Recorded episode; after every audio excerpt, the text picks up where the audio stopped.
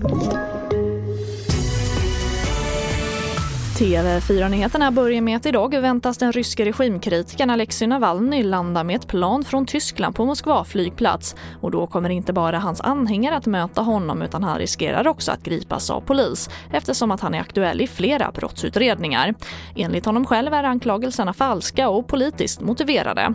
Navalny överlevde i augusti ett mordförsök genom förgiftning och den ryska ledningen förnekar all inblandning. Och här hemma i Sverige finns det ungefär 1100 lodjur vilket bara är ett par hundra över så kallad gynnsam bevarande status. Och Svenska rovdjursföreningen menar att den marginalen är alldeles för liten och kräver ett stopp för licensjakten.